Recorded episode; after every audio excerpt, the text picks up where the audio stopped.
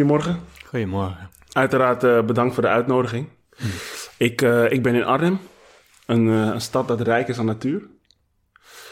Een stad met verschillende soorten hoogtes, wat ik zelf heel, heel indrukwekkend vind. Ik ben erachter gekomen dat het tot maar, maar liefst 107 meter hoog is hier in Arnhem. Oké. Een, een hippe stad met modestudenten, uiteraard. Vitesse, musea, kastelen, terrasjes. Een stad dat zich ook profileert als, een, als de culturele hoofdstad van het oosten. Tof. Kan jij uh, kan je daarin vinden? Ja, ik zit in de Klarendalse weg. Ja. En dat heet het modekwartier. Ah. Dus in deze, als je hier naar beneden loopt richting het centrum, hm. kom je tientallen galerietjes, werkplaatsjes. Want er zitten hier hele kunst- en mode um, academie. Ah. En als je de andere kant de straat uitloopt, in vijf minuten ben je bij wat jij zegt, die enorme hoogteverschillen. Ja. Loop je in glooiingen, Ja. dat je iets hebt, ik ben in het buitenland. Oh, wauw. Dus in één straat kan ik dat eigenlijk ook al meemaken. Maar heel leuk om het jou te horen samenvatten zo. Ja. Ja. Ja, ik, dat is ook echt wel hoe ik, hoe ik Arnhem zie. Ik kom er zelden. Eigenlijk bijna nooit. En ehm, ik woon in Amsterdam. En Hmm. ja, ik denk dat je ook wel weet dat alles, bijna alles in Amsterdam gewoon is aangelegd. En er is gewoon niet zo heel veel natuur. En dat mis ik wel steeds meer. Ook hoe maat, maat ik ouder word, bewuster word. eh, mijn behoeftes veranderen. Dus ik heb ook gewoon veel meer behoefte om in de natuur te zijn. Dus wie weet, eh, ja, kom ik hierheen. Ja. Ik weet het nog niet. En ik zit geregeld tussen ons in, hè? Tussen Arnhem en ehm, Amsterdam. Ja. Uh, mijn vriendin heeft een vakantiehuisje. Hm. En dat ligt op een eilandje in de buurt van de Loosdrechtse plassen. Oké. Um, heel rustig daar. Ja. En in de winter, we hebben daar een houtkachel. Ja. Maar water is afgesloten, dus je hebt geen stromend water, je hebt geen verwarming. Hm. Maar met een houtkachel, emmertjes uit de plons. Ochtends douchen, zeg maar, onder een emmertje buiten in de vrieskou. Wauw. Terwijl binnen de houtkachel brandt. Ja. Ja, afwassen buiten in het water. Eh, ik herken zo wat jij zegt. Doet zo. Je komt daar in een ander ritme of zo.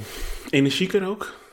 Ik, ehm, het doet mij zo goed. Ja. Mijn lijf, mijn geest. Ja. En ik merk ook, weet je, s'avonds helemaal niks doen. Hm. Weet je, voordat je het weet is iets van televisie, computer, YouTube, Mhm. dingen uitzoeken, mail. Terwijl daar als de houtkachel brandt en je hoort die wind eh, om het huis, dan is het net... Ik, ik vind de houtkachel en die vlammen vind ik interessanter dan een interessant televisieprogramma. Hè? Hm. Het beweegt, het brengt tot rust, het verdiept. Die verschillende temperaturen aan de voorkant en de achterkant houdt je lijf wakker, zeg maar. Hè? Hm. Ik merk zo verschil als ik hier terugkom met de centrale verwarming. Ja. En eh, sinds ik meer in de natuur ben, begin ik ook te voelen wat de computer, de mobiel, de zuigende werking daarvan, maar Ja. ook wat het op mijn Wat systeem voor doet. invloed het op je heeft. En hier, overal om me heen, routers, hè. Ja. Ik zet mijn eigen router wel uit. Ja. Ehm, en ik zet mijn computer geregeld uit en mijn mobiel. Maar overal om je heen in de stad is het gewoon. Ja. Ja. Terwijl daar helemaal niet zo goed bereik. Ehm, zit op een eilandje. Water zuigt echt alle energie in een soort meer, zou je kunnen zeggen. Mhm. Dus wederom, ja. Ik merk wat jij zegt ook. Die natuur doet goed. Ja, daar willen we eigenlijk ook gewoon naartoe. Ja, maar twee keer per jaar wil ik wel naar Amsterdam. Ja? Ja, ik vind dat het bruisende leven daar vind ik ook weer heel inspirerend. Ja. Maar om er altijd te zijn zou too much zijn voor mij. Wat bedoel je met het bruisende leven in Amsterdam? Ik woon er mijn hele leven, dus Ja. ik kijk er met een hele andere bril naar. Ik heb een poos in Amsterdam gewoond. Mhm. En ik heb het idee, de energie staat daar echt nooit stil. Ook niet s'nachts, Hm. ook niet op zondagochtend. Ja. Er is daar bruisend, er is daar ehm, een onrust op een bepaalde manier. Ja. Maar door alles wat daar doorheen trekt, ook internationaal, Hm. is er ook wel een creativiteit. Als ik daar door de straatjes loop, ehm, de cafeetjes, de restaurantjes, de galerietjes. Het is niet allemaal standaard. Na de hoofdstraat heb je een hoop ook creativiteit en inspiratie. Die, Ja. Ik kom daar ook wel opgeladen van terug. Maar toen ik er woonde, putte het me uit. Ja. Ja, ja, dus het is een stad om naartoe te gaan en om niet te blijven. in ieder geval voor mij. Ja. Ja, voor mij eh, denk ik ook steeds meer. hey, heb, jij, heb jij wat met numerologie, Henk? En niet, ik heb het wel eens bestudeerd, ik heb er wel eens naar gekeken. Oké. En je hebt bijvoorbeeld een boek, het, het leven waarvoor je geboren bent, helemaal op je geboortegetal. Hmm. Ik ben echt onder de indruk hoe dat klopt, eh, zeg maar, als ik over mezelf lees. Nou, je kunt je overal in herkennen, Ja, maar als ik andere geboortegetallen van mijn eigen kinderen lees en zo, ja. herken ik mezelf toch een stuk minder. Ah. Dus ik ben daarvan onder de indruk, maar ik heb me er nooit verder dan dat in verdiept. Nee, ik, heel veel weet ik er ook niet van. Eh, wat ik wel weet is dat 2023 staat voor het nummer 7. Oké, En dat dat een, eh, een spiritueel getal is. Oké. 2023 zou eigenlijk een jaar moeten zijn van, eh, van onderzoek en introspectie. En ik denk ook, weet je, mocht, mochten er mensen luisteren die niet geloven in numerologie. Als ik kijk naar de, de staat van de wereld, van de aarde. ehm, worden we eigenlijk, zo voel ik het dan een beetje, gedwongen om ehm, naar binnen te gaan. Om uiteindelijk weer onze frequentie te kunnen verhogen. Dat is hoe ik het voel. Dus daarom zeg ik zoiets van ja, het, resoneert wel met mij dat 2023 staat voor het nummer 7, dat het staat voor een spiritueel jaar. Maar heel veel weet ik zelf ook niet van, eh, van numerologie. Ja, nou zonder numerologie denk ik, er is zoveel in de wereld gaande, Hmm. ehm, wat ons aanzet om na te denken over een aantal dingen Ja, die we tot voor kort eigenlijk, tot voor enige jaren allemaal als heel normaal vonden. ja, Zien we nu dingen in het nieuws gebeuren dat ik denk wat ehm, reflectie ja. en van daaruit, want dat doet ook iets met je introspectie, Hmm. ehm, kan me goed voorstellen komende jaar. Ja. Mooi. Hey, zou jij voordat wij eh, de diepte ingaan nog even willen vertellen wie, wie Henk is? En misschien ook leuk om, eh, om jouw zielsmissie direct mee te geven aan, aan mij en onze luisteraars. Daar ben ik wel benieuwd naar. En veel mensen kennen mij vanuit mijn achtergrond als arts. Ehm, ik ben regulier afgestudeerd als arts. Ehm, maar ik heb eigenlijk nooit regulier gewerkt. Al tijdens mijn studie was ik zo geïnteresseerd in alle geneeswijzen, zou je kunnen zeggen. Dus ik zat, ik had vaak een afspraak met mezelf. Als ik 100 bladzijden in mijn reguliere boekjes had gelezen, Ja. mocht ik ook 100 boeken in mijn, of 100 bladzijden in mijn. Ik, ik verspreek me, hè? 100 Ja, ja. boeken zijn. dat was mijn wens toen. Oké. Maar ik was denk ik echt iemand die wilde begrijpen wat genezing is. En ik had altijd iets, hoe doen ze dat elders op de wereld? Hoe doen ze dat in andere culturen? Hoe deden ze dat vroeger? Hoe zijn de ontwikkelingen in onze eigen geneeskunde voor de toekomst? Ik, ik wilde al die mogelijkheden onderzoeken. Hmm. En tijdens mijn studie deed ik dus al heel veel alternatieve geneeswijzen. En één dag na mijn artsexamen werkte ik als, als alternatief arts ook. En ik heb altijd gestaan voor een combinatie van regulier en alternatief. Ik had jarenlang de ehm, lijfspreuk. Ik sta voor één geneeskunde die het beste ehm, verenigt uit alle geneeswijzen Ja. ten dienste van de patiënt. Ja. En in die jaren was ik ook bekend bij een groot publiek om mijn poging om een medicijnvrij ziekenhuis te creëren. Waarin die beste mogelijkheden uit alle tradities en geneeswijzen beschikbaar waren voor mensen die ziek waren. Hm. Ehm, maar sinds corona heb ik het roer heel erg omgegooid. Sinds corona vond ik de maatschappij zo ziek, zou je kunnen zeggen, op allerlei niveaus. Maar ook op het niveau waarop die werd aangestuurd. Hoe de wetten doorheen gedrukt werden, hoe vrijheid ehm, onder druk stond. Dat ik iets had als arts. Ehm, het is onmogelijk om als individu gezond te blijven Ja. in een zieke samenleving. Ja. Dus ik had iets, ik moet dat als arts adresseren. Ik moet hier ehm, niet als een maatschappelijk iemand, maar dit is een belangrijke uh, factor voor ziekte en gezondheid. Ja. Ik moet hier naar kijken, ik moet dit adresseren. Ja. Nog even los van de behandelingen die ze toen ontwikkelden en hoe ze naar een virus keken, Ja. ben ik heel erg op dat stuk gegaan.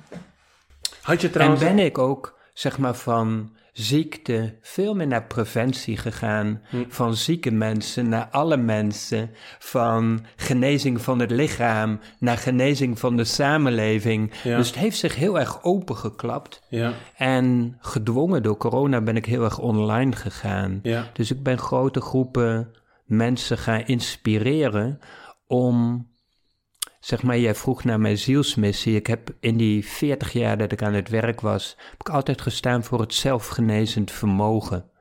En de afgelopen jaren noemde ik dat iets wat jij net ook al noemde, het verhogen van je trilling. ja, En het sterk staan in de uitdagingen van deze tijd, maar ook de uitdagingen van je eigen leven. ja. En dat is een beetje hoe het zich ontwikkeld heeft. En je treft me nu in de podcast net op een moment dat ik al aangaf, ik ben vaker in de natuur. De laatste maand heb ik even alles losgelaten. Dus ik ben ook heel benieuwd wat ik deze podcast zelf ga vertellen. Mm, Want de vorige keer dat we met elkaar spraken, zat ik veel meer in het onderwerp. Terwijl nu ben ik meer in mezelf aan het onderzoeken, hoe wil ik verder? mooi. En wat wil ik nog meer naar buiten brengen? Ja, Maar vooral ook, hoe ontwikkelt het zich in mijzelf? ja, Eh, want het moet natuurlijk ook verband hebben met mijzelf, wat ik met anderen ga delen. heel Ja. mooi. Prachtig. Even terug naar het, eh, eh, naar het ziekenhuis. Mhm. Ehm, had jij het idee dat het niet van de grond zou kunnen komen? Dat je ervoor hebt gekozen om ehm, ja, het niet door te laten gaan? Ik was vrij dicht bij een realisatie ervan. Want voor het ziekenhuis had ik een fysiek centrum nodig. Ja. Wat natuurlijk ontzettend duur is. Ja, En heel veel behelst om dat te laten draaien. Maar ik had me zeg maar gedeeltelijk ingekocht in een centrum in Friesland. Dus dat stuk was samen met donaties en dingen die ik, ondersteuning die ik van buitenaf kreeg, grotendeels gerealiseerd. Maar door corona ging alles op slot. Mm. En ik zat zelf in een proces dat ik iets had, een medicijnvrij ziekenhuis. Mhm. Dat resoneerde bij een hele grote groep mensen. Hè? Want dat he- hele grote groep voelt iets van, hey, te veel van al die medicijnen ja, eh, wil ik eigenlijk niet. ja, Maar ik dacht, een medicijnvrij ziekenhuis, dat klinkt mooi, maar wat doe je dan in dat ziekenhuis Mm. met zieke mensen? Nou, en dan kom je eigenlijk bij de essentie van alternatieve geneeswijze en dat is preventie. Terwijl een ziekenhuis is een soort eindpunt waarin de preventie is overgeslagen, Ja. mensen door allerlei welvaartsziektes langzaam verzwakt zijn Ja. en uiteindelijk afknappen en in een ziekenhuis terechtkomen. ja, Dus in die fase eigenlijk werd door corona heel veel bemoeilijkt. Financiering, verdere financiering met een onzeker toekomstperspectief durfde ik niet goed aan. Ja. En tegelijkertijd in mezelf kreeg ik steeds meer het gevoel, maar we hebben eigenlijk een ziekenhuis nodig zonder muren. Mm. Iedereen moet eigenlijk een dokter worden van zijn eigen lichaam. Moet gewoon gaan begrijpen hoe dat lijf werkt, Ja. wat hij kan doen, hoe hij de begeleiding kan vinden om niet ziek te worden. ja, Dus nooit in een ziekenhuis terecht te komen, als ideaal. Weet je, het is natuurlijk altijd fantastisch wanneer we ook nog ziekenhuizen hebben voor de dingen die echt misgaan. Ehm, maar dat de aandacht veel meer op preventie ligt. En zoals gezegd, ook op de samenleving waar we in zitten, op de manier waarop we met de natuur omgaan. Want we hebben de natuur intussen zo verziekt, zo vervuild, zo vergiftigd, dat we moeite krijgen om onszelf daarvan af te schermen, om er niet zelf ziek van te worden. hè? ja, ja. In de voeding, in het drinkwater, in de lucht, moeten we beseffen dat we dat ons lichaam is een stukje natuur. ja, En wanneer we de natuur tot de rand van de afgrond brengen, kunnen we ons eigen lichaam niet gezond houden. Mm. Dus bij preventie en gezondheid ligt ook een opvoeding in de zin van hoe ga je op een gezonde manier om met de natuur. Inclusief dat kleine stukje waar je zelf in woont, hè, je lichaam. Ja, mooi. Mooi hoe je dit zo zegt, want ik, ik hoor het en ik, ik denk meteen van ja, is het ook niet belangrijk dat we gaan waarderen wat de natuur is? En dat we, is het dan ook niet belangrijk dat wij gaan beseffen dat wij ja, niet afgescheiden zijn van de natuur? Ja, zo. En juist doordat wij het idee hebben dat wij afgescheiden zijn van de natuur, ehm, en het tegelijkertijd ook niet waarderen, gaan we zo om met de natuur. Ja. Dus we moeten er eigenlijk meer naartoe, denk ik dan. eh, dat we beseffen dat wij één zijn Ja. met de natuur. Er zijn twee dingen, hè. Je woont dus in de natuur. Hmm. in je lijf. Je lijf is natuur. Hm. Maar we hebben een soort scheiding gemaakt, wat jij zegt, tussen die natuur en onszelf. We ervaren onszelf als een ikje, Ja. die probeert ons leven goed te krijgen, die zich heel erg druk maakt, Ja. en niet zelden heel bezorgd en gestrest is om alles voor elkaar te krijgen. Ja. En terwijl we dat aan het doen zijn, ehm, vinden er miljoenen wonderen per seconde plaats in onze cellen. Ja. Dat is de natuur. Wanneer je naar een natuurfilm kijkt, één diersoort die is uitvergroot in een natuurfilm en je mond valt open van verbazing. Wonder op wonder op wonder. Wanneer je verschillende diersoorten gaat bestuderen en hoe die in het ecosysteem functioneren, dan is het nog meer wonder op wonder op wonder. Wanneer je dan die aarde in dit heelal ziet, dat is de natuur, is met ons hoofd niet te begrijpen. Net zoals die wonderen die in onze cellen plaatsvinden. En al die zorgen die we ons maken om de boel onder controle te krijgen, om beter te worden, Ja. staat eerder in de weg dan wanneer we beginnen te ontspannen en onze verbinding met de natuur weer wat versterken. Want ik zei net dat mijn zielsmissie staat voor het zelfgenezend vermogen. Ja. Maar dat zelfgenezend vermogen is niet hoe we als een afgescheiden ikje de boel onder controle kunnen krijgen en beter kunnen maken. Het is veel meer hoe we kunnen ontspannen, ons wezenlijk kunnen verbinden met ons lijf, met de natuur, met andere mensen. En dat die enorme intelligentie die in het geheel, door het geheel heen stroomt, Ja. weer vrij door ons heen kan stromen. Ja. Dat is zelfgenezing. Mooi. Dat andere is allemaal een krampachtige poging Ja. om het leven te controleren, zou je kunnen zeggen. Hmm.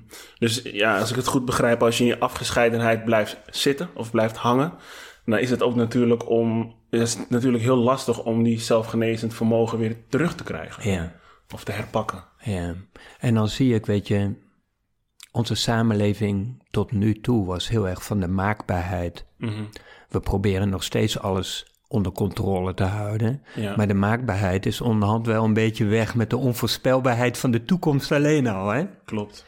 En die maakbaarheid, die is eigenlijk een enorme illusie. En dat een beetje los te laten en een beetje meer over te geven en dingen te laten gebeuren, dat brengt ons vaak meer goeds en meer geluk dan al dat krampachtig proberen dat geluk te vinden. Ja.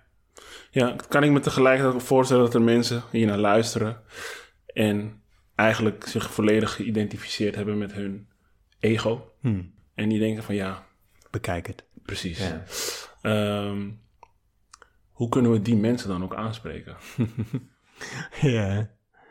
Kijk, voor de meeste mensen is het wel invoelbaar dat wanneer je als kind iets anders was opgevoed, iets meer ruimte had gekregen, iets minder had gemoeten, maar dat je opvoeders echt hadden gekeken, wat voor kind ben jij nou eigenlijk? Ja, Hoe zit jij in je vel?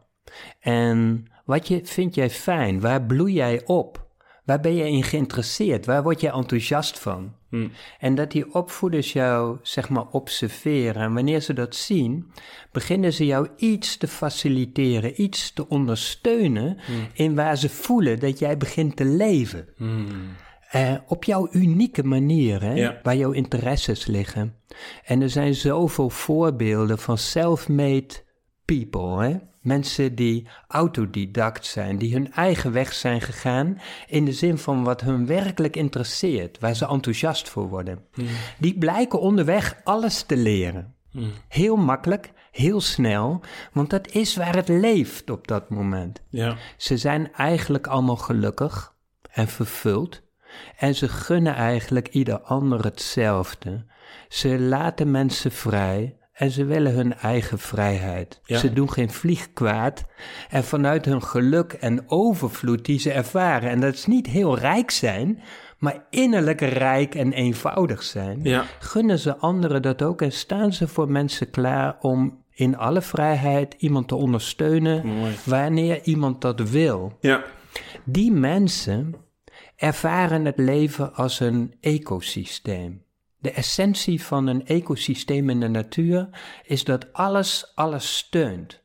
En deze mensen hebben ook het voor, als ik een plannetje heb, als ik iets wil, als ik mijn intentie richt, dan gebeuren er zulke verrassende dingen in die richting. Ja. Het is alsof het leven mij in die richting helpt. Maar wanneer je zeg maar als kind jezelf bent kwijtgeraakt in deze zin, en je hebt continu moeten horen wat goed is en wat fout is, en je moet daaraan voldoen, anders krijg je geen liefde, dan raak je jezelf steeds meer kwijt. Je begint dat te internaliseren. In jou is de wereld continu goed en fout. Fout moet je voorkomen. Goed moet je proberen te bereiken. En je bent er nooit. Je krijgt eigenlijk nooit een tien. Dus je bent altijd onderweg. En iedereen heeft wel eens gehoord. Wat je zaait zul je oogsten, wat je uitzendt trek je aan. En je trekt continu onbevredigd zijn, onvervuld. Dat stuur je uit.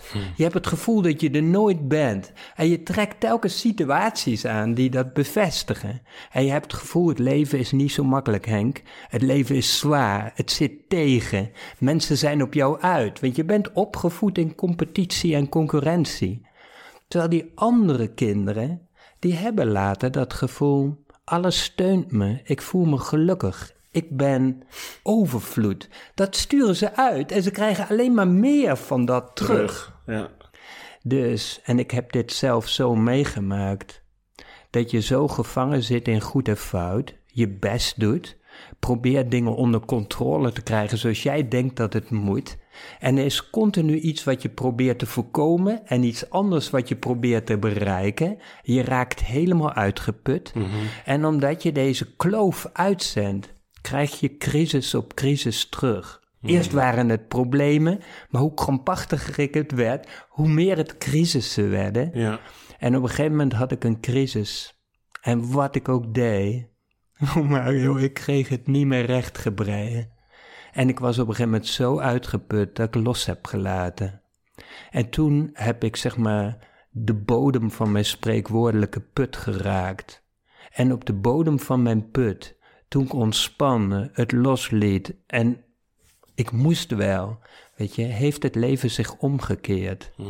En toen zijn dingen gaan stromen, zonder dat ik daar mijn best voor deed. En dingen die ik in al die jaren daarvoor graag wilde, maar eigenlijk voor me uitduwde in al mijn stress, die kwamen naar mij toe. Ja. En sindsdien zie ik dat mijn leven als een soort puzzel in elkaar valt. En ervaar ik inderdaad wat die kinderen, als ze dat vanaf het begin af gaan krijgen, kun je dus op latere leeftijd eigenlijk alsnog ervaren dat het leven steunt, ondersteunt. Eigenlijk altijd heeft gedaan, maar door mijn kramp liet ik het niet toe en duwde ik dingen voor me uit. Ja. En het is dus wanneer we onszelf zijn kwijtgeraakt, is het niet even een klik en dan ben je er. Nee, we zullen, eh, zoals jij in het voorgesprek zo mooi zei, onze schaduwkant, die pijn, dat wat we proberen te voorkomen, Ja. dat zullen we een beetje meer neutraler moeten bekijken. Dat zullen we wat meer moeten vertrouwen. We zullen wat meer moeten durven fout toe te laten, missers te maken, op onze bek te gaan, v- gevoelens te ervaren waarvan we altijd dachten, dat moet je niet ervaren. Want ik heb gezien, op de bodem van een crisis zit het grootste geschenk. Dus daarvoor was ik altijd krampachtig aan het proberen om fout te voorkomen. Tegenwoordig zie ik, nee, we leren allemaal door vallen en opstaan. En op het moment dat je tegen een baby die zich optrekt aan de spijlen van de box gaat vertellen dat als die daarna op zijn achterste valt, dat die fout is en dat hij dat niet mag laten gebeuren, dat hij krampachtig zich vast moet houden, want dat is goed, dan kan hij nooit leren lopen. Leren lopen, groeien, doen we door duizenden keren te vallen. Dat is de aard van de schepping, is continu missen. De evolutie, de natuur is continu missers. Dat loslaten en doorbouwen op wat er goed gaat, wat wel lukt. Mooi. Ja. Dit, eh, dit resoneert ontzettend met mij. Ik hoor hier ook vooral het woord, het, het woord overgave komt bij mij omhoog. Dus je, je overgeven aan het, het leven. Terwijl ik tegelijkertijd ook weet dat wij mensen best wel een negatieve associatie hebben bij het woord overgave. Uh, van nou, oké, ik geef mij over en dan, uh, dan laat ik mij maar, maar leiden door iets of iemand anders. Terwijl Hmm. eigenlijk als je je overgeeft, laat je je leiden door het leven zelf. Hmm. Zo ehm, ja, begrijp ik hem goed, uh, denk ik. Ja, mooi gezegd. En voor mij is het belangrijk om te beseffen, overgave kun je niet 1, 2, 3 doen. Mm. Dat gaat stapje voor stapje voor stapje voor stapje. Ja.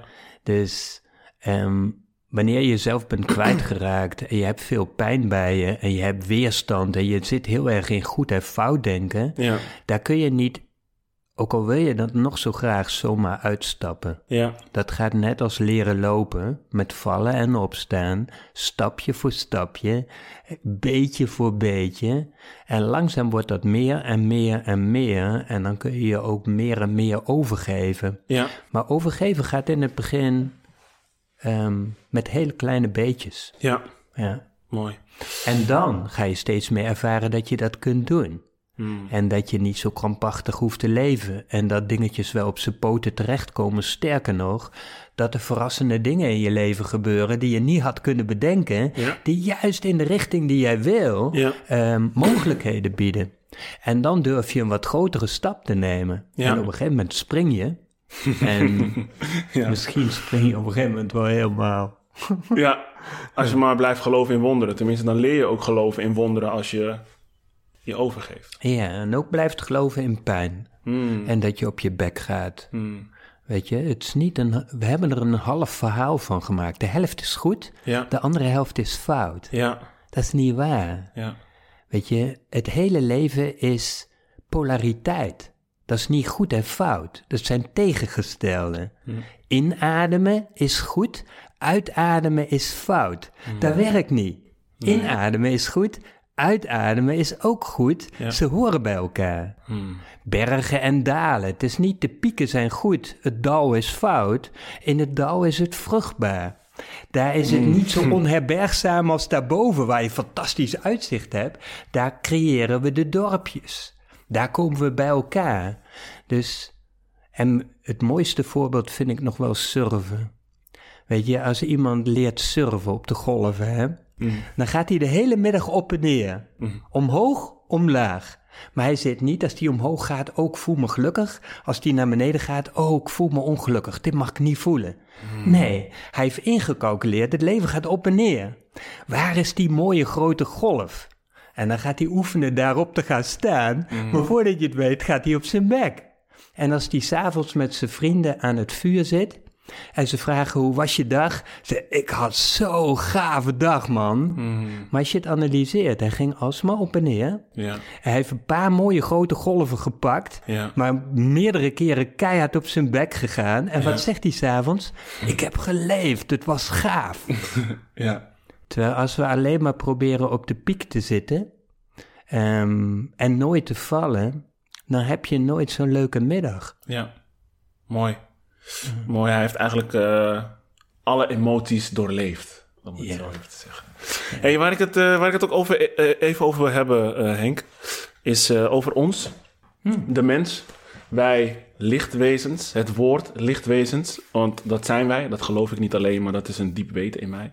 Ik, ik denk ook een diep weten in iedereen. Wat voor velen dus compleet zweverig gepraat uh, zou kunnen zijn. En ook dat begrijp ik. Zeker als het bewustzijn enigszins bedekt is. Um, maar ook begrijpelijk omdat wij het licht niet zo kunnen waarnemen met onze ogen. Hmm. Um, ik ook niet. En ook als ik naar buiten kijk en de staat van de wereld zie met allerlei psychopaten die aan de touwtjes trekken, is het best moeilijk om te zeggen en te geloven dat wij allemaal lichtwezens zijn. Kan jij in jouw woorden vertellen wat maakt dat wij lichtwezens zijn? Graag in behapbare taal. Yeah. en misschien kan je daarin ook meenemen hoe wij als kind of zelfs als uh, foetus een helend vermogen hebben met het licht uh, dat het is. Hmm. Kijk, Vroeger was dat heel spiritueel om te zeggen: ik ben een lichtwezen. Hm. Maar het is in allerlei oude tradities op verschillende manieren verwoord dat wij een vonkje zijn van de schepper, van God, dat we lichtwezens zijn, dat dat onze kern is. Maar tegenwoordig is het niet meer spiritueel. Hm. Je kunt het tegenwoordig fotograferen. Dus de wetenschap heeft Kirlian-fotografie. Ja. En dan kunnen we het lichtveld van mensen zien wat in vroegere tradities het auraveld of dat aureool om het hoofd van de heilige, hè, mhm. dat werd door sommige paranormale mensen gezien, maar kunnen we nu dus gewoon fotograferen. Oh, wow. Een laagje dieper kunnen we met speciale apparatuur, biofotonenapparatuur, kunnen we de biofotonenuitstoot van cellen meten. En blijkt dat elke cel straalt licht uit, letterlijk. Wanneer je daar een vergrootglas op zet, zie je dat dat licht vooral wordt uitgezonden door het DNA. En in oude tradities worden DNA worden wel onze lichtantennes genoemd.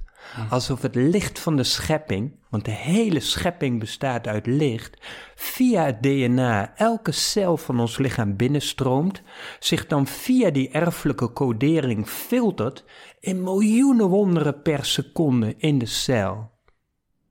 Nou, dat is wat we verstaan onder licht is intelligentie.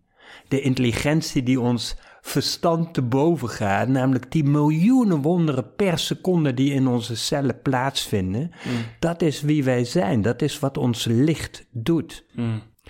De hele schepping blijkt uit dit licht. Eigenlijk de grondsubstantie van de schepping is licht. En die intelligentie weerspiegelt zich in die miljoenen wonderen per seconde, waar we het over hadden, in elk dier, in elk ecosysteem, in de hele schepping. Maar het weerspiegelt zich ook in de evolutie. Ja. Dus jouw licht is zo boeiend. Je kunt ook het lichtveld van een plantje fotograferen.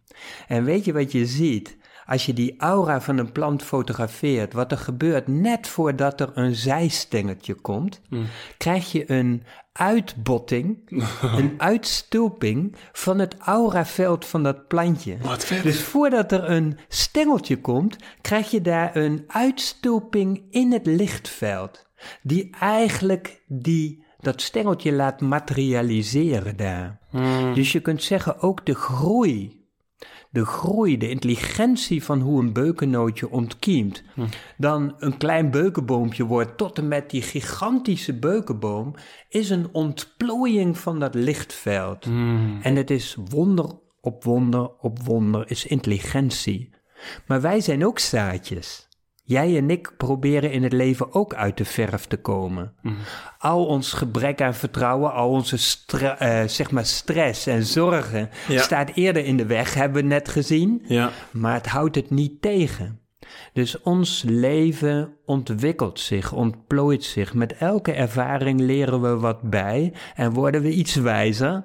Als je veel weerstand hebt, gaat dat langzaam. Als je meer in die overgave bent, leer je meer, want je leert vrijer. Je durft te vallen. En van elke misstap leer je juist. Als je probeert dat uh, te voorkomen, niet te doen, niet te doen, ben je helemaal verkrampt en hard, maar je leert nauwelijks nog iets. Ja. Maar we zijn dus licht en dat is pure intelligentie. Nou, het licht van de schepping is één groot ecosysteem. Dat zijn geen losse onderdelen. De hele schepping is één ding. Ja. En het blijkt in een ecosysteem dat elk deel, elk ander onderdeel steunt. Dus een ecosysteem is eenheid en alles steunt elkaar. Dat is liefde.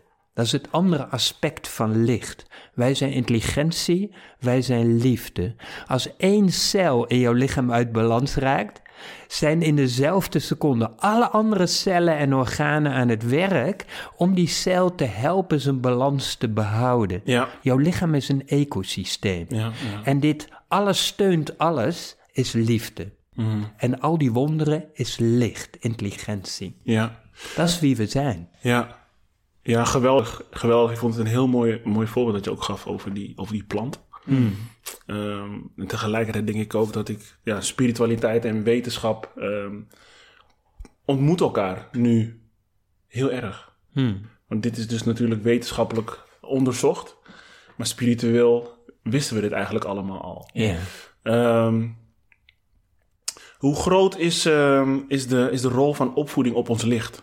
Op ons goddelijk zijn? Ik vind het woord God, God vind ik wel een, een lastig woord om te gebruiken. Vanwege de associaties die mensen erbij hebben. Ehm, ja, maar wat, heeft het, wat voor effect heeft het eigenlijk op, op de frequentie van onze trilling? Ja.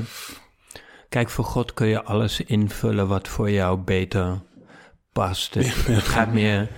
Al deze wonderen waar ik over spreek... Ja. ehm, het mysterie dus, dit wonderbaarlijke... Hm. ehm, wat ze in de wetenschap het kwantumveld noemen... Ja. kun je aan de spirituele kant net zo goed God noemen... of bron of source. Ja. Ehm, en welke God je dan kiest, maakt ook weer niet uit. Maar het is het mysterie van de schepping zelf eigenlijk, waar Ja. jij op doelt. Ja. En wat ik zei, je kunt dat licht op die manier niet doven. Maar je kunt het ehm, niet helemaal uitdoven. Je kunt het wel sluier, sluieren, zeg maar. Je kunt het wat donkerder maken. Je kunt het wat moeilijker maken om door te stralen. Ja. Ik zelf heb niet het gevoel dat ik, hoe vast ik ook heb gezeten, dat ik heel erg veranderd ben. Alleen als ik terugdenk aan vroeger, lijkt net alsof ik in een gevangenis zat. Alsof mijn licht niet goed kon doorstralen. Maar wat ik diep van binnen ervoer als Henk, ervaar ik nu eigenlijk nog heel erg zo. Alleen ik heb het gevoel dat het veel vrijer is, dat het veel makkelijker door kan stralen, dat het geluk ervan directer ervaarbaar is. Vroeger wist ik dat dat geluk er diep van binnen zat, maar kon Ja. er nauwelijks bij. Ja. Ja. Dus het was best wel vrij donker, schemerig, duister in mijn leven. Mhm. Ehm, Die sluier. gesluierd. Ja. Ja. En nu is het dan lichter. En, maar dat licht was er toen ook al, want anders had ik niet geademd. En hadden al die wonderen in mijn cellen niet plaatsgevonden. Mooi. Dus in die zin, of je je nou heel erg zorgen maakt of je voelt je eigenlijk happy, dat maakt niet heel veel verschil op al die wonderen die in je cellen plaatsvinden. Ja. Maar je beleeft het wel veel fijner. Mm. Ja, en dan je, je voelt je gelukkiger en je, ik ervaar veel meer contact als vroeger. Vroeger voelde ik me inderdaad veel meer afgescheiden, veel meer in dat gevangenisje. Terwijl nu voel ik me veel meer één met alles wat er gebeurt. Ja. Mooi. Ja, Die verbondenheid is er. Ik hoorde je zeggen dat natuurlijk ehm, als, er een, als er bepaalde cellen zijn die niet goed functioneren, dat alle andere cellen van het lichaam aan de slag gaan om ehm, ja, het, die cellen weer goed te laten functioneren. Ehm, maar je hebt natuurlijk ook mensen die te maken hebben met enkele blokkades in hun systeem. ja. Die ervoor kunnen zorgen dat ze een bepaalde vorm van kanker kunnen krijgen. Hoe zou je dat kunnen eh, weerleggen? ja, ik heb geen behoefte om dat te weerleggen, zeker niet bij kanker. Ik heb 30 jaar in dat gebied mogen werken. En het is een heel kwetsbaar gebied. Je mag kennelijk over allerlei ziektes van alles zeggen, Mhm. maar bij kanker wordt elke uitspraak eigenlijk uitvergroot en kwetsbaarder. Dus ehm, mensen mogen zelf uitvinden ehm, voor zichzelf in hoeverre onze invloed op het lichaam zich uitstrekt. Mhm. Maar wat ik al zei, die maakbaarheid, die is heel klein en heel groot. Ja. Dat wil zeggen, aan de ene kant kun je dat licht niet doven. Mhm. Dat zeggen ook als je sterft, is het licht of het bewustzijn niet gedoofd. Mm. Dat is langzaam in onze samenleving heel erg een taboe geworden en heel erg zijn we gaan denken in goed en fout en leven en dood. En blij, weet je, we zien niet dat het allemaal aan elkaar vastzit. Mm. En wat blijkt er dat er bij de dood gebeurt? Dat dat licht wat jij bent verlaat het lichaam. En dat heeft heel veel met jouw geest te maken. Dat zeggen, het volk zegt dat zo mooi. Als jij sterft, wanneer jij de geest geeft, Mhm. blijkt, wanneer je dat paranormaal bekijkt, het licht het lichaam te verlaten. En dan wordt het in drie uur koud en stijf. Mm. En dat noemen we dan dood. Maar dat licht gaat gewoon verder. Dat is één met de schepping. Dat is hetzelfde, wanneer er een boom doodgaat, is het bos niet dood. Dat bos gaat verder. Het leven gaat verder. Het leven is, in die zin zou je kunnen zeggen, eeuwig of oneindig. Mm. Maar vormen vergaan. En wanneer de blokkades groot zijn, wanneer de weerstand groot is, dan kan dat op een gegeven moment blokkades op het fysieke niveau geven, dat dat licht eigenlijk uit het lichaam wordt geduwd. Mm. Maar daarmee is het licht niet weg. Maar het zoekt een andere vorm waarin het verder kan leren, waarin het zich verder kan ontwikkelen, verder kan evolueren. Nou, aan de ene kant kunnen we dat licht niet doven, hoe, hoe gestrest, hoeveel weerstand, hoeveel zorgen we ons ook maken. Maar die blokkades kunnen dus wel problemen in het lichaam geven. Mm. En we kunnen als persoon wel, maar dat is een hele bescheiden invloed, uitoefenen op het leven in de zin dat we onze weerstanden meer los kunnen laten. En dan gebeurt er vaak wel weer magie. Ik heb in de dertig jaar dat ik met het onderwerp kanker werkte, heb ik zoveel spontane genezingen mogen aanschouwen. Dus dat waren patiënten die waren opgegeven. Ehm, volgens de prognose van de reguliere geneeskunde gewoon was niks meer aan te doen. Mm. En deze mensen heb ik, meerdere daarvan heb ik omslag zien maken, innerlijk. In de zin dat ze loslieten. Dat ze iets hadden, ik weet niet hoe lang ik nog te leven heb. Maar ze lieten hun blokkades los, hun weerstand lieten ze los. En ze kozen ervoor om hun aandacht niet langer te richten op het vechten tegen de ziekte. Of het controleren van de omstandigheden. Maar op het leven zelf. Op liefde, op contact, op verbinding. En bij meerdere van deze mensen heb ik, ehm, ja, ik kan niet anders zeggen, echt wonderen mogen aanschouwen. Spontane genezing wordt ook wonderbaarlijke genezing genoemd. Wat dus aan de ene kant een wonder is, wonderbaarlijk. Ja. Aan de andere kant misschien ook vrij normaal. Normaal, net ja. zoals al die wonderen die in jouw cellen plaatsvinden. Ja. Wanneer we die niet te veel verkrampen, dan heeft die natuur een enorme reservekracht. Maar in hoeverre dit voor ieder mens geldt, hè, wat ik heb gezien, in hoeverre je dit als een maatstaf voor anderen zou kunnen hanteren, eh, daar ga ik niet over. Ehm, voor sommige mensen is dit heel inspirerend, voor andere mensen is dit deprimerend. Ja. Maar ik heb er heel veel van geleerd om dit. ehm, en ik heb nooit het gevoel gehad dat ik een belangrijke rol speelde in deze genezing. Het is meer dat ik er toeschouwer van mocht zijn. Maar Ja. het lijkt ook op wat jij in het begin op een bepaalde manier zei.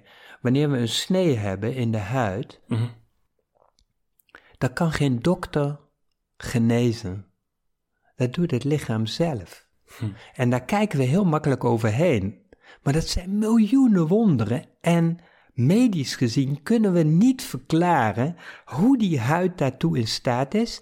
En waarom die huid stopt wanneer het daar klaar is. Ja. En niet daar gaat woekeren. Mm. Gooit allemaal aan elkaar tot een bepaald punt en dan stopt Klaar. het en wordt het rustig. ja. Daar denk ik ook nu pas over na nu je het vertelt. Ja, dat is een groot wonder. Ja. Hetzelfde, in onze vaatwanden zijn continu wondjes, Mm. waar we helemaal geen weet van hebben. En die stollen daar en die groeien daar weer aan elkaar. Hm. Maar het is een groot wonder, die kleine wondjes daar, wanneer dat, zeg maar, evenwicht iets te veel naar links zou gaan, zouden we daar doodbloeden. Ja. Als het iets te veel naar rechts zou gaan, zouden we doodstollen. Hmm. Nee, daar van binnen gaat dat perfect op die manier. Hmm. Nou, wat kunnen we als mens doen? Stelt eigenlijk zo weinig voor. Een chirurg kan wanneer die huidranden iets te veel wijken, kan die die aan elkaar naaien. Dat is zulk grof werk. Mhm. Stelt eigenlijk niks voor, maar is zo belangrijk. Maakt het zoveel makkelijker voor de natuur om die heling daar te laten plaatsvinden dan wanneer het uit elkaar wijkt. Ja. Tegelijkertijd kunnen we het een beetje schoon houden. Want als dat wondje gaat ontsteken, is het voor de natuur ontzettend lastig om die wond mooi weer te helen. Dus we kunnen als mens eigenlijk zo weinig doen, maar dat weinige is vaak zo cruciaal om de natuur een handje te helpen om dit wonder te verrichten. Hmm. Nou, wat we op school meer zouden kunnen leren, is niet alleen hoe we zo'n wondje een klein beetje zouden kunnen ondersteunen, maar ons lichaam in algemene zin, zodat bepaalde ziektes minder kans krijgen en het lichaam zich makkelijker door bepaalde ziektes heen kan slaan. Ja. Dat stelt nauwelijks iets voor en tegelijkertijd is het zo belangrijk dat we dat leren en kunnen we daar zo helpend in zijn. Ja. Hetzelfde voor een boer. Ja. Wij kunnen geen plantje laten groeien, geen zaadje laten ontkiemen. Maar we kunnen hele simpele dingen doen, waardoor die tuin er zo mooi uitziet. En we kunnen het ook zo verpesten. Hmm. Maar de natuur, het wonder daarvan, is ver aan ons voorbij. In ieder geval aan het ikje of dat ego wat jij zei. Precies. Ik hoor hierin ook als je, die, ehm, als je vanuit die verkramping het een en ander probeert op te lossen, dat, dat je eigenlijk ervoor zorgt dat die wonderen niet hun werk kunnen verrichten. Ik zeg vaak, wat jij, wat jij nu benoemt, zeg ik vaak, je trekt de knoop alleen maar strakker. Mhm, Ja. En die knoop mag juist ontspannen. mooi. Ja. Heel mooi. Heel mooi. Ehm, het wordt ons ook best wel lastig gemaakt om onze frequentie te verhogen. Ehm, door destructieve krachten, om het zo maar te zeggen. Veel dat hoog vibreert is lastig beschikbaar. Kijk naar ons, eh, ons voedsel, dat van oorsprong hoog vibreert. Maar dat wordt gemanipuleerd op verschillende manieren. Je hebt natuurlijk ook een organisatie, ik weet niet of je dat kent, dat heet eh, HARP. Een militair eh, project. HARP staat voor High Frequency Active Auroral Research Program. En ze beschikken over technologieën om ook het weer te manipuleren. Dus kunnen aardbevingen, orkanen en tsunamis veroorzaken. Dus we storen daarmee onze wereldwijde eh, ja, communicatiesystemen. En natuurlijk de radiatie van, eh, van 5G. Dat ons systeem eh, verschrikkelijk beïnvloedt. Dus weet je, alles heeft effect op onze frequentie. Alles, uiteraard. Ja. Ehm, wat zou dan een goede raad zijn om onze frequentie toch te verhogen? Zou je tegen mij zeggen als Amsterdammer, hey, vertrek uit Amsterdam, bijvoorbeeld? Ehm, ja, wat, kan je, wat zou je kunnen zeggen? ja, zeg maar, in algemene zin schuurt dit tegen complottheorieën aan. Hè? Hmm. Maar laten we daar wegblijven. Mhm. Jij benoemt al een aantal no-nonsense dingen die remmend zijn, die schadelijk zijn. Eh, verder dan dat hoeven we eigenlijk niet te gaan. Mhm. Nou, voor de rest is het belangrijk om te beseffen dat ehm, het zo dooddoener, maar verander de wereld begint bij jezelf. Dat zeggen, als we goed kijken, kunnen we wel gaan kijken naar een of andere complottheorie die 5G uitrolt met een bepaalde bedoeling en er komt 6, 7G achteraan en uiteindelijk kunnen we niet meer functioneren. Misschien. Maar we hebben toegestaan dat het van 1G naar 2G naar 3G naar 4G gaat, terwijl we weten dat dat in ieder geval de dieren, de vogels, ehm, de wespen, allemaal heel erg verstoort. Het verstoort de natuur. En er is tal van onderzoek, wij zijn een stukje natuur. Het, wat jij al aangeeft, het remt ook de zelfgenezende en hoge trilling van onszelf. Ja. En uiteindelijk staan wij die dingen toe of we zetten een grens. En dat is voor ieder mens voor zichzelf om te onderzoeken, hey, welke schadelijke zeg maar, aspecten herken ik in het leven? Hmm. In hoeverre ik die toe in mijn leven? En een aantal dingen, ook al wil je die niet toestaan, ze zitten in je leven. Dus dan heb je een stukje waar je invloed op hebt en een stukje waar je geen invloed op hebt. Ja, juist. Nou, voordat je het weet, ga je wijzen naar anderen op het stukje waar je geen invloed hebt. Hmm. Dat heeft een invloed op jou, Hmm. namelijk onmacht. En onmacht is een van de schadelijkste factoren voor het functioneren van jouw eigen lijf. Hmm. Onmacht is de essentie van stress. Er zijn honderden wetenschappelijke studies die laten zien hoe stress, zeg maar, het zelfgenezend vermogen van het lichaam, dat ontplooien van jouw eigen lichtveld in de weg staat. Hm. Dus dat heeft geen zin. Dus het beste is om te gaan kijken naar waar je wel invloed op hebt en dan waar jij invloed op hebt. En om dat te gaan doen. Ja. En de grootste dooddoener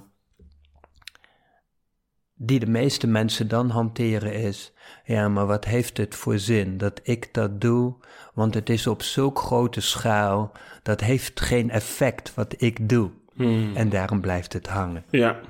Ik heb zelf iets, ook al doet niemand het, wat ik herken als schadelijk in mijn leven en dat van mensen in mijn omgeving, waar ik iets aan kan doen, dat ga ik doen, ook al doet niemand anders het.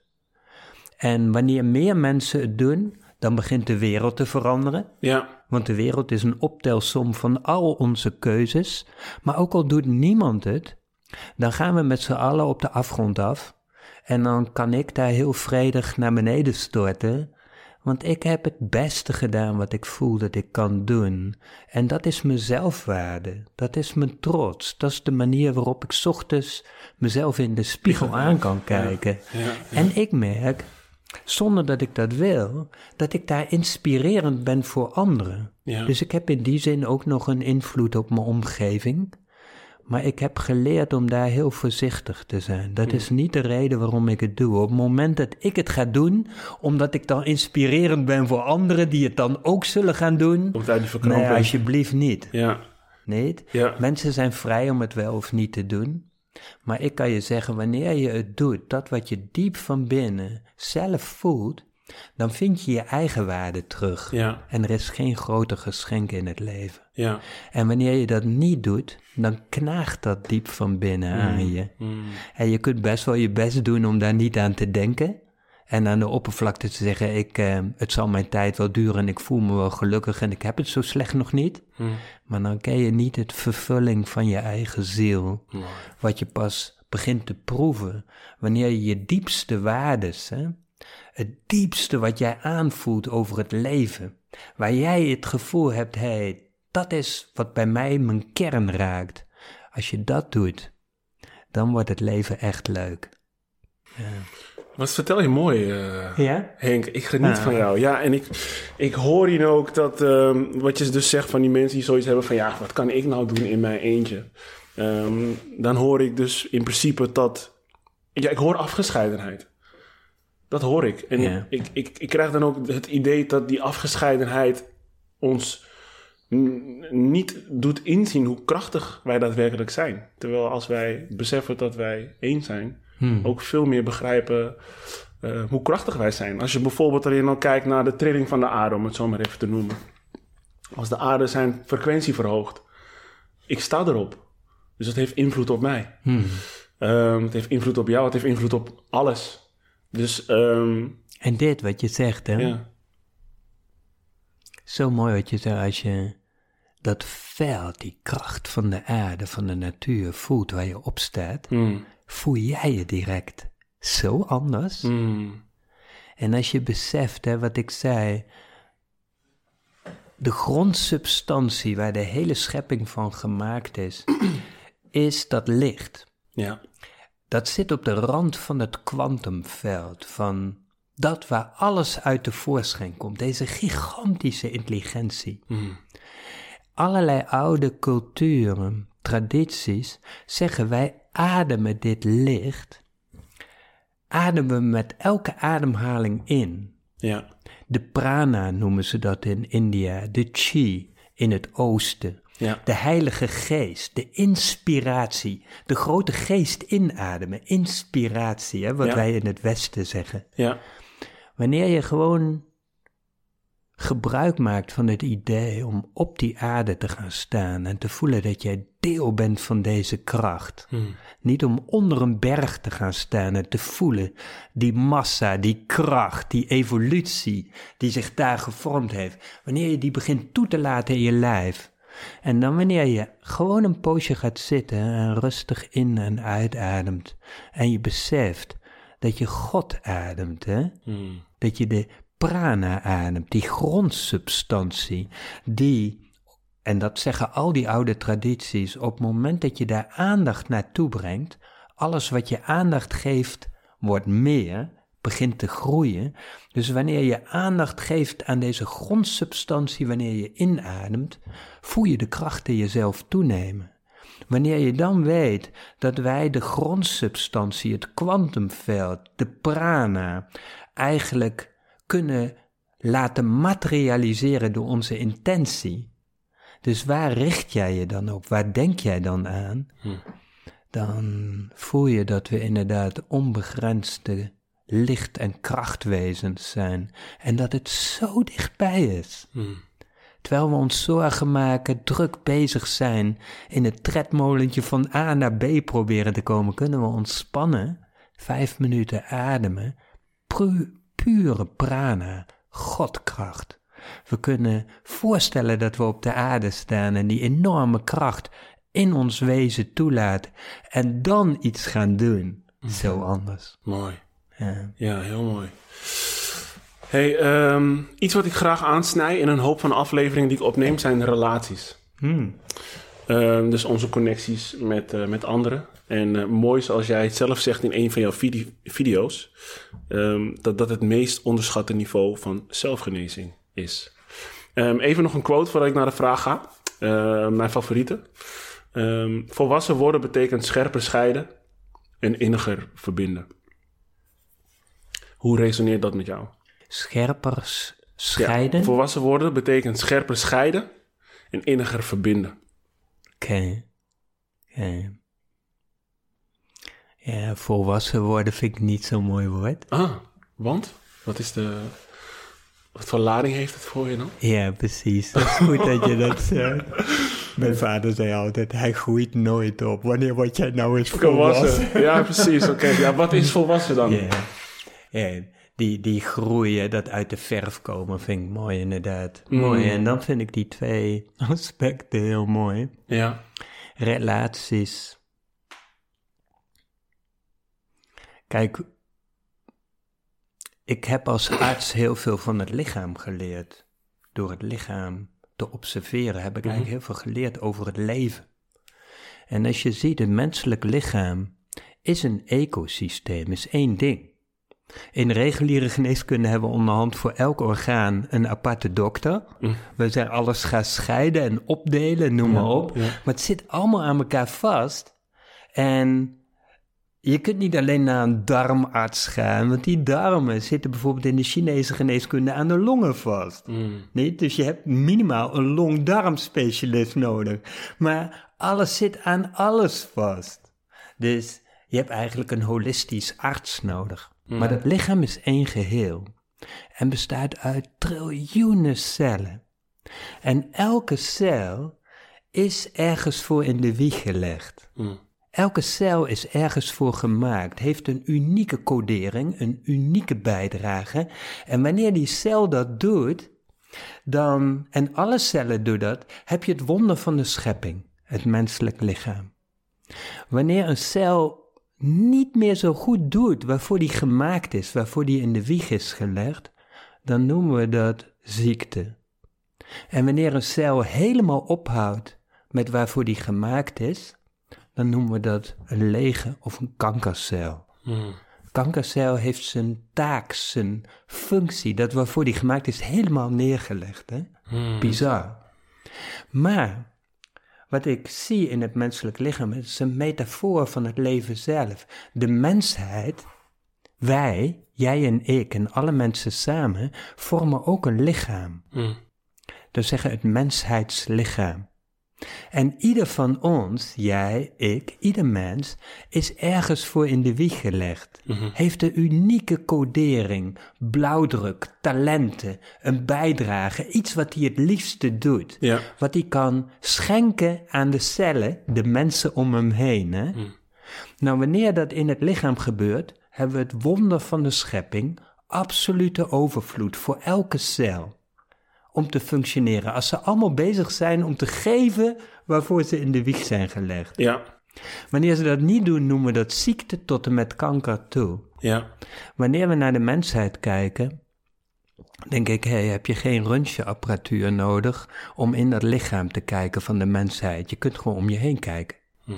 Maar dan denk ik, hoeveel mensen weten waarvoor ze in de wieg zijn gelegd?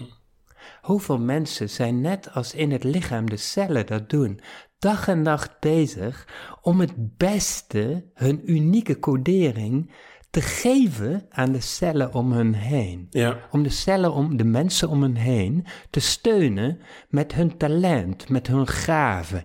En de hele dag door bezig zijn om dat te ontwikkelen. Ja. Dan zou er absolute overvloed zijn in het mensheidslichaam. Dan zouden we hier een paradijs op aarde hebben, het wonder van de schepping zelf. Maar als je bedenkt hoeveel mensen dat niet doen, of gedeeltelijk doen, tot niet doen, dan besef je hoe ziek het mensheidslichaam is Mm. en hoe belangrijk de relaties zijn in de zin dat we connecten. Dat ik het beste van mezelf aan jou geef en jij het beste van jou aan mij geeft en dat we dat uitwisselen. En in die zin besef je dat wanneer we de relaties op aarde niet in die zin herstellen, dan hebben we eigenlijk een hele zieke mensheid Mm. die ver onder zijn potentie, onder de maat presteert. En het is eigenlijk zo simpel om het om te keren in het paradijs. Maar omdat we de weg zo kwijt zijn geraakt, moeten we daar wel een paar tientallen jaren voor nemen. Mm. Maar wanneer we dat oprecht met elkaar gaan proberen en we steunen elkaar erin en we gaan elkaar niet meer ehm, afstraffen met goed en fout, maar we moedigen elkaar aan en we zetten onze talenten in om het beste bij elkaar te herkennen en dat te faciliteren, Mm. Dan komt er al heel gauw heel veel op gang. Ja, ik hoor je zeggen dat wij, eh, eh, als wij het niet herstellen, dan, ja, dan blijven we in een, eh, een getraumatiseerde samenleving. Ja. Kan je dat zo zeggen? Maar goed, om, iets, om, een, om een band te herstellen met iets of iemand heb je wel een samenwerking nodig. Ja, Dat kan je niet alleen doen. ja. En hoe, ehm, ja, wat zou je dan zeggen voor iemand die het wilt iets wilt herstellen, ja. maar daar ehm, ja, de samenwerking niet van eh, terugkrijgt? Vertel ik het goed zo? Ja. ja. Dan, dan zou ik eigenlijk onze podcast, zeg maar, Mhm. tot een cirkel willen maken. Mhm. En terug te gaan naar wat we in het begin vertelden over zo'n kind wat geobserveerd wordt en iets meer gefaciliteerd wordt om zijn talent. Dat Ja. waarvoor die in de wieg is gelegd, dat toont zich in waar dit kind tot leven komt. Mhm. Uiteindelijk willen we dat deze mensheid leeft. Mhm. Dan kan alleen maar wanneer we elk onderdeel ruimte gaan geven om te leven. Mhm. Bij een kind kun je dat nog zo puur mogelijk zien. Want je ziet het gewoon oplichten wanneer Ja. het met bepaalde dingen bezig is. Vertrouw die intelligentie. Geef dat wat meer ruimte. Mhm. Dat is tegelijkertijd een heling voor de volwassene. Mhm. Omdat hij zelf het vertrouwen is kwijtgeraakt eh, in zichzelf. In dit stuk in zichzelf. Wanneer hij dat begint te faciliteren bij het kind, kan hij dat natuurlijk niet plotseling perfect doen. Want die is het voor zichzelf. Weet je, hij denkt zelf in goed en fout. En voordat hij het weet, wil hij dat kind afstraffen. Of denkt hij dat dat kind voor alles moet doen voor zijn best wil. Mhm. Zo zijn wij voor een deel in mijn generatie opgevoed. Mhm. Wanneer we dat kind wat meer ruimte gaan geven en we zien hoe het tot leven komt, dan doet dat ook iets met ons. Het geeft ons meer vertrouwen in dat het leven zo bedoeld is. En we gaan onszelf dan ook wat meer die ruimte geven.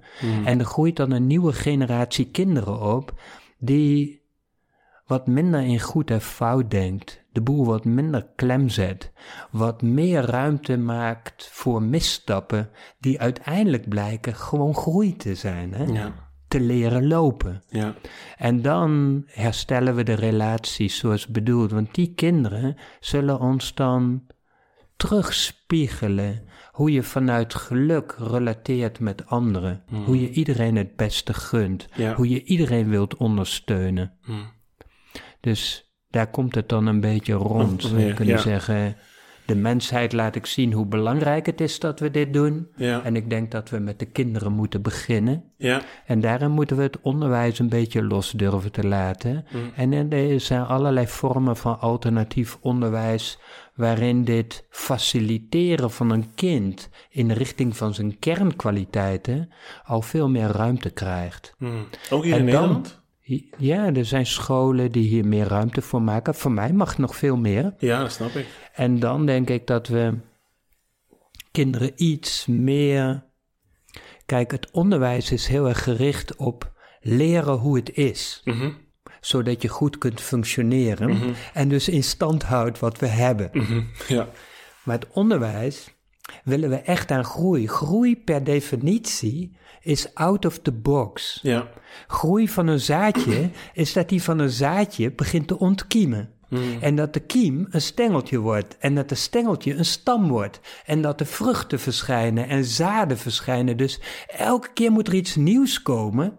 Terwijl in het onderwijs leren we dingen te reproduceren. En houden we in stand wat we hebben. En Ja. zetten we groei dus eigenlijk vast. Ja. Dus een heel belangrijk vak op school, en zal een enorme uitdaging voor de leerkrachten zijn, is out of the box leren denken. Zijn kinderen van nature heel goed in, dus daar kunnen ze ons ook weer heel veel in terugspiegelen.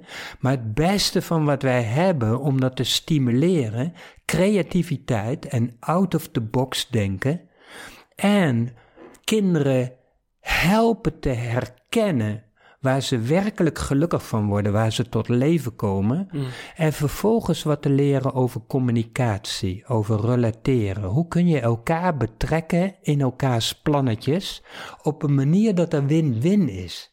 Niet competitie of concurrentie in de zin van, hey, als er één wint, moet er iemand verliezen. Nee, dat we weer dat gevoel terugkrijgen, iedereen kan winnen. Ja. Sterker nog, hoe meer we dat doen, hoe meer iedereen wint. Wint. Dus dat zouden denk ik de belangrijkste vakken op de nieuwe scholen moeten zijn. Ja. En dan leren we alles onderweg. Ja. En dan wordt wat we leren mooier dan dat we ons kunnen voorstellen. Ja. En dan wordt er naar mijn idee ook niet meer gedacht eh, vanuit schaarste, maar vanuit overvloed. Ja, Ehm, vanuit win-win. ja. En die overvloed zit in het lijf. Hmm. Alles is overvloedig voorhanden als alle cellen gewoon hun ding doen. Ja. Prachtig. Jij geeft eh, geen, geen één op één cursussen meer, hè? Of één op één workshops. Nee, op dit moment heb ik alleen online trainingen. Ja. Heb zeg maar oude online trainingen die iedereen op elk moment voor zichzelf kan starten. En ik start geregeld zeg maar nieuwe online trainingen waarin we eh, op dit moment online eh, via Zoom eh, met elkaar connecten in de breakout rooms, met elkaar oefenen. eh, verschillende supportstructuren die ik in die trainingen heb, zodat we met elkaar onderweg zijn. Want als je alleen zo'n cursus start, dan zijn er wel ook wel andere en zitten ook connect-structuren in, Ja. maar niet de live inspiratie van Nee.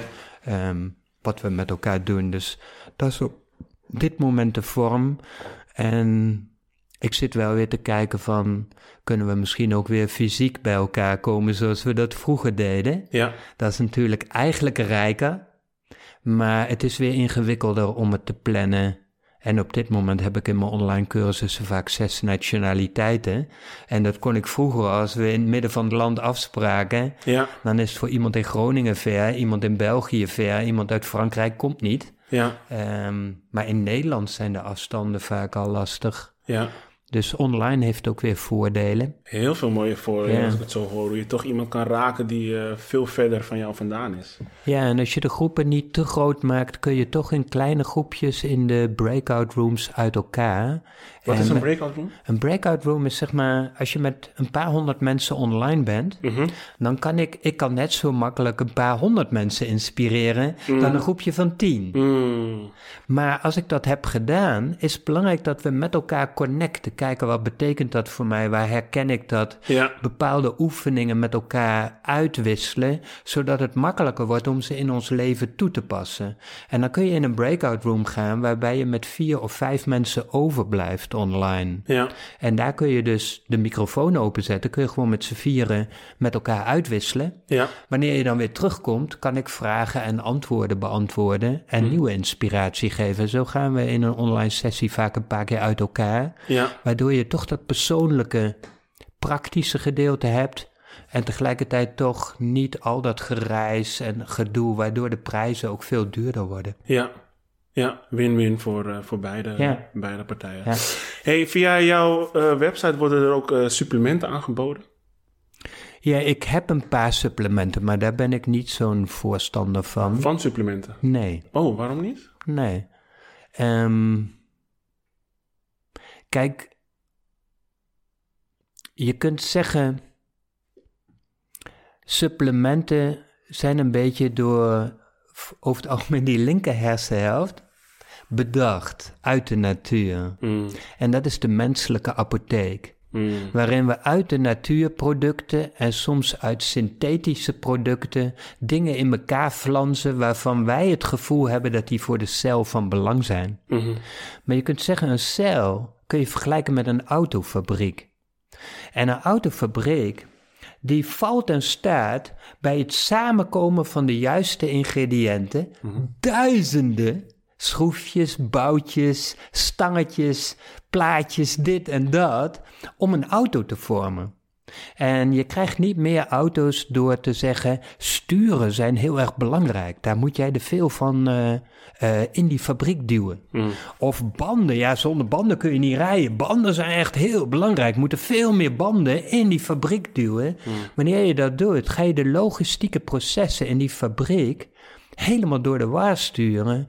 Want een band heeft geen enkel, hoe belangrijk die ook lijkt, kan niks doen als al die andere ingrediënten er niet zijn. En dat is Gods apotheek, oftewel de natuur. Wij zijn in miljoenen jaren evolutie. Zijn we uit de natuur tevoorschijn gekomen en zeg maar de normale natuurproducten. Moeder natuur. Zeggen we, de natuurproducten zijn wat borstvoeding is voor het kind. Perfecte afstemming. We gaan de borstvoeding niet naar het laboratorium sturen om een knappe professor te laten bepalen wat de vijf belangrijkste stoffen zijn. En ook niet de twintig belangrijkste stoffen. Nee, het is een geheel. Borstvoeding is perfect. Ja. Moeder natuur is perfect. Ja. Ja. Dat moet voor minimaal 80% de bodem zijn. Nou, mensen zeggen ja, maar natuurvoeding is ook niet helemaal goed. De stress is heel hoog. Dat is waar. Dus we kunnen in deze tijd misschien, zeker wanneer je heel gespannen bent en gestrest bent, slecht slaapt en slecht eet, tekorten ontwikkelen. Maar dan zullen we eerst die voeding moeten herstellen. Dan kunnen we niet zeggen dat lost de supplement wel op. ja, precies. Wanneer we echt tekorten hebben, moeten we dat ook niet als leek bedenken. En ook niet wat in de boekjes staat van die banden en die sturen zijn heel belangrijk. Dan moeten we naar een goede natuurarts gaan om te kijken wat zijn dan precies de stofjes die ik mis. En die tijdelijk, zeg maar, toevoeren. Terwijl we tegelijkertijd de natuurlijke maatregelen nemen om gezonder te gaan leven. Zodat we op een gegeven moment met die supplementen kunnen stoppen. En weer helemaal op Gods apotheek vertrouwen. Mm. Nou, ik heb twee supplementen. Eentje om het immuunsysteem te versterken. Ehm, dat past bij mijn zielsmissie en het past bij deze tijd. Daar kun je naast je gezonde voeding overwegen of je dat extra nodig hebt. En dan heb ik één supplement wat zeg maar uit wetenschappelijk onderzoek blijkt dat mensen in het Westen, die veel spanning hebben, gestrest zijn, slecht slapen, niet zo goed eten, vaak aan tekorten ontwikkelen. En in dat supplement zitten die middelen die je dan tijdelijk zou kunnen nemen om tegelijkertijd maatregelen te nemen om gezonder te gaan leven. Ja. Een groentetuintje aan te leggen of in de vensterbank is met de natuur aan de slag te gaan, je verbinding met de natuur te verbeteren. Ja. Weer meer van Gods apotheek te gaan houden Ja. en minder en minder met supplementen te doen. Dit is een, eh, een heldere verklaring. Dus ehm, ik hoor dat, oké, supplementen kan. Maar terwijl je het gebruikt, zou je nog steeds het een en ander in je eigen systeem moeten aankijken. Zodat je uiteindelijk ook kan zeggen, oké, ik heb die supplementen niet meer nodig. In plaats van, eh, ik blijf gewoon mijn hele leven lekker supplementen nemen. Deze twee supplementen zijn in mijn beleving het best onderbouwd vanuit mijn perspectief Ja, om ja. eventueel erbij te doen, erbij te doen. Ja, En op een verantwoorde manier in een bepaalde samenhang. Of om je immuunsysteem te versterken of om veel voorkomende tekorten ja, eh, aan te vullen, zodat je lichaam beter, zeg maar, het trekt. En daarnaast gewoon gezonde maatregelen te nemen. Op mijn website kunnen mensen gratis video's bekijken ja. over hoe je je zelfgenezend vermogen op vijf niveaus kunt versterken. Mm. Lichamelijk niveau, emotionele niveau, mentale niveau van de gedachten, de relaties en de ziel. Mm. En allemaal simpele, no-nonsense, natuurlijke maatregelen om, wat ik zei, we kunnen niet veel doen, maar wat we kunnen doen op die niveaus kan van wezenlijk belang zijn. Mm. En dan worden we een goede dokter voor ons eigen lichaam. Mm. En wordt de kans dat we ziek worden of extra dingen nodig hebben veel kleiner. Mm. Ja. Mooi. Je hebt een maandje even jezelf laten inspireren door de natuur, denk ik. Is dat, is dat ook zo gegaan? Ja, ik, ik voel, ik ben nog niet klaar, dus Oké. ehm, ik denk februari ook. Ik leef een beetje, ik voel die inkeer is even een fase in mijn leven, Oké. maar ik ga het niet vastleggen. Mm. Misschien kom ik vrij snel weer naar buiten. Misschien heb ik nog een maand weer nodig. Ja, Ehm, en intussen doe ik kleine dingen zoals Ja. we nu ook doen vanochtend. ja, ja. Hey, ehm, zoals ik jou hoor praten, dan denk ik wel van ja, wanneer kunnen wij een boek verwachten van, eh, van Henk Fransen? Nee, boek niet meer. Nee? Nee, een boek vind ik een beetje. Ehm, mijn ervaring is. Op het moment dat ik een boek heb afgeschreven, kan ik hem weer opnieuw gaan schrijven. Mm. Ik, ik hou het liever vloeibaarder. Mm. En mijn cursussen ontwikkelen zich steeds verder en anders ben ik alsmaar bezig weer een herziene uitgave te brengen. Ik denk de wereld ontwikkelt zich op dit moment zo snel dat we meer van binnenuit moeten gaan leren in wisselwerking met het leven en onszelf telkens weer opnieuw uitvinden, vernieuwen, groeien, verbazen. En ehm, het heeft denk ik weinig zin om vast te gaan leggen met wat je hebt. Weet je, je kunt beter je verder ontwikkelen in wat er nieuw is. Mooi. Ik vind het mooi hoe je dat vertelt. Het is, eh, ik kan me ook wel voorstellen dat het, het ego ook heel graag een boek zou willen schrijven. En misschien voel je dat zo, maar dat je daar niet per se naar zou handelen. Ik heb een paar boeken geschreven, maar Ah. daardoor besef ik ook hoe snel ze achterhaald zijn. Ja, ja, ja. Ehm, maar er is niks mis mee, maar ik ga niet meer boeken schrijven. Ik doe liever de online cursussen. Kijk, wat mij altijd verbaasd heeft. Ehm, zoveel mensen in mijn netwerk, wanneer ik bij hun thuis kom, hebben ze een fantastische boekenkast. In die zin heb ik waarschijnlijk ook weinig nieuws verteld. Bijna iedereen die luistert heeft in zijn boekenkast bijzondere boeken van de meesters, van de goeroes, van het licht, van noem maar op wat voor wijsheden. Mm. Die hebben we al lang in huis staan. Mm. Maar daarmee verandert ons leven niet. Mm. Ons leven verandert doordat we toepassen wat we diep van binnen voelen. Mm. Dus flikker die hele boekenkast weg, maar bewaar één boek wat jou het meest geraakt heeft of nu raakt. Lees dat nog eens door en dat is alweer veel te veel. Er zijn in dat boek waarschijnlijk vier, vijf dingen die jou raken. Pak dan wat jou het meeste raakt en ga dat dagelijks toepassen. Mm. En dat is een Oosterse wijsheid. Eigenlijk zou je, en ik denk dat de verhouding nog extremer moet zijn, maar een onsje theorie en dan een kilo praktijk. Mhm. En dan weer nog iets meer. Als je dat boek hebt overgehouden, je één principe, ben je elke dag mee bezig. En je neemt een vriend om dagelijks met elkaar uit te wisselen. Ja. Wat heb ik ervan opgestoken vandaag? Waar ben ik het tegengekomen? Hoe heeft het mijn acties bepaald? Hoe ga ik dat morgen nog weer een stapje beter doen? Mhm.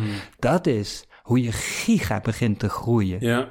ja. En dan word jij zelf en het leven wordt een levend boek. Mooi. En schrijf je elke dag een volgende bladzijde en elke maand een nieuw hoofdstuk. Ja.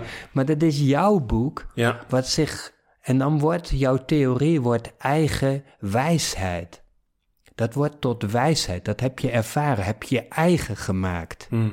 En daarom mijn online cursussen gaan altijd over weinig nieuwe theorie. Maar de belangrijkste dingen die ik zeg, vertaal ik zeg maar naar toepassingen. En daarmee gaan we deze week aan de slag. Daarmee oefenen we in de breakout room.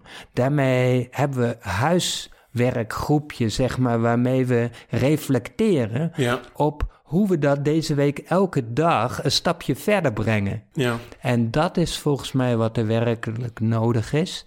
Veel mensen hebben te veel theorie die ze niet toepassen en dat gaat van binnen wringen. Ja. Je weet het wel, maar je doet het niet, doet pijn en blokkeert je groei. Ja. Beter minder weten en meer doen. Ja. Ja, dankjewel. Dit is ook voor mij een hele goede boodschap. Want ik merk ook bij mijzelf dat ik eh, zo kan duiken in boeken. Ja. Om maar heel veel te weten. Om er heel veel kennis op te doen en ook maar heel veel te begrijpen. En ook van andere mensen. En dan, oh, Kijk, snap- als we deze podcast nemen, Ja, jij hebt het zelf gezegd. ja, Als je op de wereld staat en je voelt die intelligentie, dat krachtveld van de aarde waar je op staat, ja. en je geeft dat wat meer ruimte in je eigen lijf, Mm, en je doet dat elke dag, en je wendt aan die kracht in je lijf, en je voelt elke dag, wow, dat je nog meer toe kunt laten, wat er een enorme power in de evolutie zit. ja, En van daaruit begin je dingen te doen. mm, Dan merk je als je dat elke ochtend doet, merk je al gauw dat op een dag dat je er weer aan terugdenkt. mm, En op een gegeven moment loop je op die manier over de aarde, door de straat. mm. En dan op een gegeven moment heb je een moeilijk gesprek. En je schiet bijna in je oude patronen. En dan voel je plotseling dat je op die enorme kracht zit. ja, En je hebt plotseling een ander idee om iets terug te zeggen. Ja, En je voelt meer liefde in jezelf. mm, En na een paar maanden begin je dit met je vrienden te delen. Zeg je, dit is zo tof om te doen, man. Dit heeft mijn leven getransformeerd. Enzovoort. Op het moment dat je het anderen gaat vertellen en over, weet je, wordt het weer sterker in jezelf. die Maar we hoeven maar één ding te pakken. Als je naar de grote mensen op aarde kijkt en je leest hun autobiografieën of hun biografieën, dan hebben ze het leven heel erg simpel gemaakt tot een motto, tot iets wat hun kern raakt, wat ze diep van binnen overtuigd zijn. Mm. En dat leven ze elke dag. En daardoor herkennen we hun als een groots lichtwezen. Mm. Zij zijn niet anders dan jij en ik, maar ze hebben iets genomen wat hun diep raakt en dat passen ze dag in, dag uit toe. En dat slijpen ze, ze slijpen hun eigen diamant, juist op de moeilijke situaties. Hebben ze iets, hoe pas ik dat hier toe? Hoe kan ik dat hier sterker maken? En zo eh, wordt ons licht sterker. Mooi. Ja. Dankjewel. Ehm ik zou, eh, ja, ik vind het altijd moeilijk om te zeggen van, heb jij nog een boekentip? Ook als iemand naar mij toe komt, dan zou jij mij een boek kunnen aanraden. zeg ik, ja, ik kan dat niet. Nou, ik laten ik zou het nu aan het eind van deze podcast houden. Schrijf je eigen boek. ja. Neem iets wat jou werkelijk diep raakt. Koester dat. Neem dat in elke dag mee. Sla elke dag een nieuwe bladzijde op. Schrijf verder met dit unieke codering in jezelf. Dit is waar het mij om gaat. Hmm. En sla elk, elke maand een nieuw hoofdstuk om. Hmm. Dus schrijf je eigen boek. En gebruik eventueel je eigen beste boek. Je hebt al zoveel goede boeken Mhm. ehm, die jou geraakt hebben. Pak die erbij. Pak, ontdek. Eén ding wat jou diep raakt. Maak dat tot een levensmotto. Beproef dat elke dag. En dan wordt het leven een levend boek. Mooi.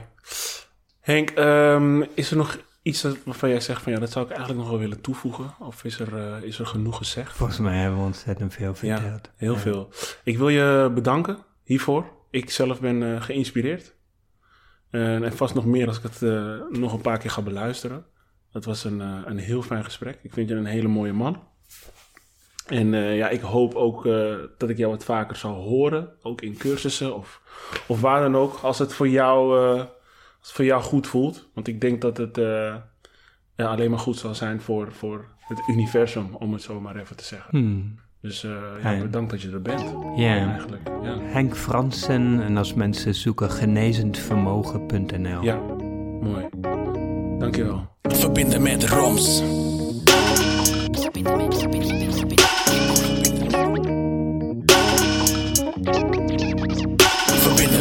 Toms.